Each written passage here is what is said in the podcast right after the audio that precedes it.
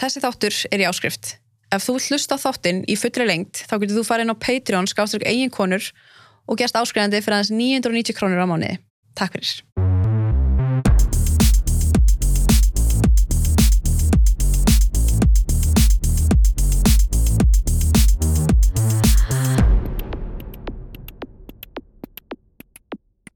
Ég ætla bara bjóða þig velkomna. Já, takk fyrir. Þú ert Ragnheiður. Já. ekki?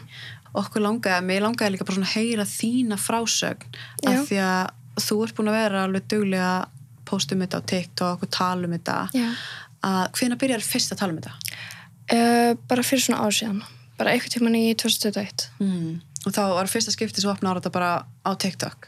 Já, þá sá ég bara eitthvað svona trend þar sem fólk var að tala um þetta Mm.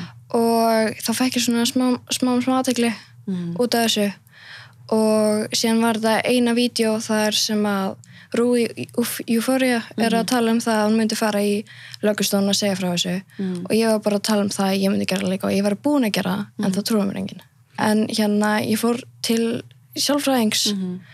í, eða veist, það kom norskur sjálfræðingur til mín í, í veist, eitthvað Já, í domnum hann. já, í dómnum hana og hann bara sagði við dómstólun að hann bara trúið mér ekki og það væri bara lígi Og hvað sagðir frá þarna?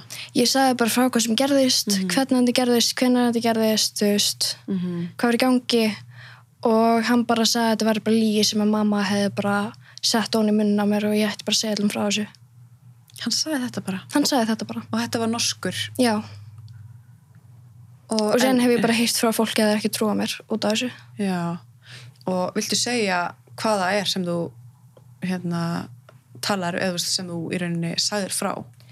Ég sagði bara frá þú veist að hann braut á mig kynfræðislega bara upp, þú veist, að því við vorum saman í rúmi. Mm. Þessi þáttur er í áskrift. Ef þú hlusta þáttinn í fullri lengt þá getur þú farið inn á Patreon skáströk eigin konur og gerst áskrifandi fyrir aðeins 990 krónur á mánuði. Takk fyrir.